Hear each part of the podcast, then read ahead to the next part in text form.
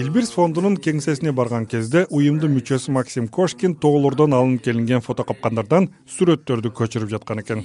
После трех месяцев, четырех месяцев в поле үч төрт айдан көп мезгил мурда тоолорго коюлган фотокапкандарды алып келип алардын ичиндеги сүрөттөрдү компьютерга көчүрөбүз. Сүрөттө даталары жазылган папкелердин ичине сакталат. Мына дароо эле аюунун мамалага тартылыптыр камера ар бир кыймылды үч кадр менен тарта берет. А демек эч бир кыймыл болбосо камера иштебейт экен да.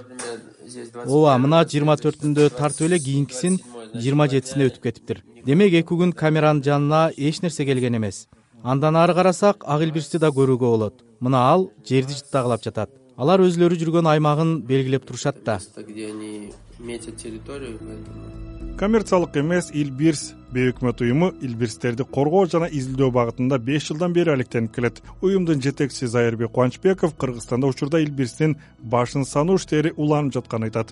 Атайын э, илбирстерди изилдөө үчүн атайын методикалардын негизинде санак иштери башталган да эми чынын айтканда жаратылышта жаныбарларды э, так санын айтыш абдан кыйын акыркы жылдары өзүңүздөр байкагандай мына көптөгөн илбирстерди тигил жерден көрдүк бул жерден көрдүк деген интернетте дагы социалдык тармактарда да ошол көпчүлүк э, видеолорун коюп же болбосо көргөндөрүн айтып уккандарын айтып ушул нерсе көбүрөөк көбөйдү мурункуга караганда соңку маалыматтарга ылайык кыргызстанда илбирстин саны үч жүздөн үч жүз элүүгө чейин деп айтылат адистер эки миң жыйырма үчүнчү жылга бул сан кыйла өсөт деген үмүттө. Бул оптимисттик пикирге негиз берип жаткан жагдайлардын бири кыргызстанда ишке киргизилип жаткан смарт программасы. Аталган компьютердик система жапайы аяр айбанаттарга байкоо салууну кыйла жеңилдетет.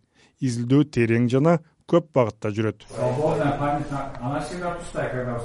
Акш жапайы жаныбарларды коргоо коомунун мүчөсү майкл хутте бишкекте илбирс уюмунун кеңсесинде адистерге смарт программасында иштөөнү маалыматты анализдөөнү үйрөтүп жатат. Аталган компьютердик система дүйнөдө эң көп колдонулган программалык камсыздоо болуп эсептелинет. Смарт буга чейин дүйнөнүн миңге жакын өзгөчө корголуучу аймактарында ишке киргизилген. Эта программа SMART, там все крупные международные организации. бул смарт компьютердик программасын жаныбарларды коргоо багытында иштеген бир нече ири коммерциялык эмес уюмдар колдоого алган. Эгер кайсыл бир өлкөдөгү уюмдар бул программаны колдонууну кааласа анда шериктеш уюмдардын көмөгү менен атайын адистер келип жардам берет. Мына биз да кыргызстандагы сары чат эр таш жана хан теңири коруктарына бул системаны ишке киргизүү үчүн келдик азыр окутууларды жүргүздүк. Как их анализировать? Ну, конечно, с анализом мы будем их вначале, конечно, дейт акш жапайы жаныбарларды коргоо коомунун мүчөсү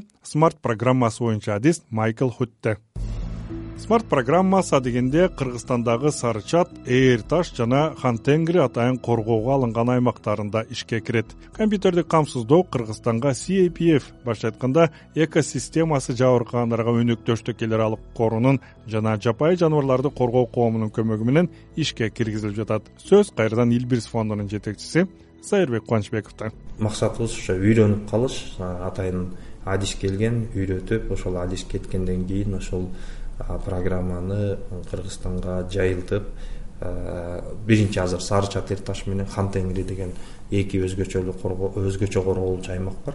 Ошол аймакта ишке ашырабыз дагы. Анан жакшы болуп кетсе кудай буюрса деп атабыз. Башка кыргызстандын аймактарындагы өзгөчө корголуучу аймактарга дагы жайылтып ишке алып барабыз деп. Мисалы айтып кете турган болсок бул абдан жакшы программа. Егерлер деп коебуз аңчы адистер деп коебуз. Ошолорду канчалык деңгээлде кыдырып атышат браконьерчиликтен коргоп атышат дагы эмне иштерди мыйзамсыз иштерден коргоп атышат дегенди билиш үчүн бул программада атайын жөн эле запрос кылсаңыздар суроо сыяктуу. Ал жерде чыгып калат ар бир э, адис менен да. Андан сырткары колго жазылып жүргөн көп нерсени автоматтык түрдө болот да. Бул жерде атайын а, с- смартфондорду алып келгенбиз. Тигил жерде турат ошол смартфондорду ошолорго атайын программа киргизилет дагы. Ошол программанын негизинде эгерлер талаага чыкканда ошол нерсени басып басып гана кете берет. То есть кол менен мурдагыдай кагазга жазып отурбай анын ичинде баардык киргизилген ошону гана а, баягы тандоо иретинде басып басып кете берет жеңилдетип компьютер бар жерге келгенде шнур менен которуп туруп эле ал маалыматты интернет менен жөнөтүп жиберсе болот да. Компьютердик программа бир эле илбирс эмес башка жапайы жаныбарлардын санын да аныктаганга мүмкүнчүлүк берет. Кыргызстанда буга чейин илбирсти изилдөө негизги эки ыкма менен жүргүзүлүп келген. Биринчиси фото капкандын жардамы менен экинчиси илбирстин заңын генетикалык изилдөө жолу менен аныкталчу.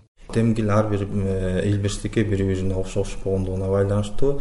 Ошону туура коюу методикасы кандай э, жалпы территорияны канчага бөлүү квадрат километрге бөлүү ошонун баарыбыз ошол бир атайын ыкма менен коюп чыгабыз да.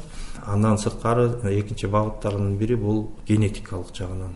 Фекалий деп коебуз эми ошо заңдарын чогултуп туруп тилекке каршы кыргызстанда аны изилдегенге болбойт чет өлкөгө атайын жөнөтүп ошол чет өлкөдөн анан ал жерден толук айтылып чыкса болот. Фото капкандар менен иштөө кыргызстанда бир нече жылдан бери жүргүзүлүп келсе да жабдыктарды уурдоо көйгөйү азайбай келет. Мисалга алсак эки миң жыйырма биринчи жылы эле илбирс уюму койгон алты камера уурдалган малчылар алып коет кээ бири баягы кызыкканынан деле алып коет бирок биз дайыма эле коюп атканда деле айтабыз э, элдер туугандар бул эч нерсеге керексиз нерсе. Аны алып алып сата албайсыздар.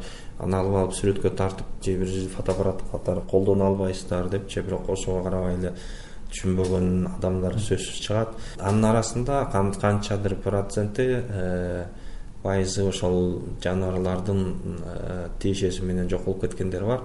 Бул эми айы талкалайт кээде. Кайгырабыз ар бири эки жүз элүү доллардан баштап беш жүз долларга чейин турса анан ага кеткен чыгым э, балдардын эмгеги канчалык. Соңку жылдары илбирстер айылдарга жана шаарларга жакын жерлерде катталып жатканын кыргызстандагы экологиялык абалдын өзгөрүүсүнө байлагандар да бар. Алардын бири өкмөттүн алдындагы био түрдүүлүктү сактоо жана өзгөчө корголоочу жаратылыш аймактары департаментинин директорунун орун басары кумар мамбеталиев илбирстердин көбүрөөк көзгө түшүп жатканына сүйүнүү али эрте деп эсептейт. Анын пикиринде бүгүнкү күндө сейрек жаныбарларды үркүтүүчү жаңы коркунучтар пайда болууда.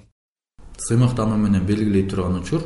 Э, бүгүнкү күндө биз эмес бул бизден көз карандысыз э, эксперттердин берген баасы. Бишкек эң жакын илбирс байырлаган шаар деп таанылат бишкек шаарынан отуз беш километр алыстыкта отуз беш отуз отуз беш километр алыста илбирс келип жүргөнү тастыкталган элестетиңиз бул бишкекке жакын жерде илбирс жүрөт. Эки миң он тогузунчу жылы эле бизде катталып биз илбирсти экологиялык абалдын көрсөткүчү деп айтсак болот да. Эгерде элбирс байырлап жатса ал жерде экологиялык көйгөйлөр аз табияттын абалы жакшы экен деп айта алсак болот да себеби илбирстин азыгы катары эсептелинген тоо жаныбарлар ал жерде байырлайт илбирс жүргөн болсо.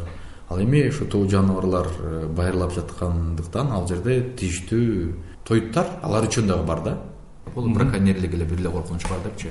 Бул жаңылыштык да андан сырткары ошол жалпы эле жапайы жаныбарлар байырлап жаткан ареал чөлкөм ал чөлкөмдүн деградация болушу бузулушу таланышы бул дагы бир чоң коркунуч андан сырткары мисалы үчүн э, жугуштуу оорулар коркунучтуу жугуштуу ооруларды дагы биз изилдеп үйрөнүшүбүз керек да. Кыргызстан соңку жылдары илбирсти коргоо жаатында бир эле адистердин уюмдардын жергиликтүү жамаат башчылары менен иштегенден сырткары жалпы калктын көңүлүн буруу максатында түрдүү коомдун өкүлдөрү менен иштешип келет айта кетсек билим берүү министрлиги менен мектептерде ачык сааттарды киргизүү тарыхчылар сүрөтчүлөр медиа жана маданият кызматкерлеринин жардамы менен түрдүү көргөзмө спектакль оюн зоок жана илимий багыттагы жыйындар өтүп турат. Эң негизгиси эки миң он үчүнчү жылы кыргызстан демилгечи өлкө катары он эки өлкөнүн расмий делегаттарын чакырып бишкекте илбирсти жана анын экосистемасын сактоо деген темада эл аралык форум өткөрүп бишкек декларациясы кабыл алынган. Эл аралык масштабта кандай иш чаралар жүрүп чакырыктар айтылып жатат кесиптешим гүлайым ашакеева баяндайт.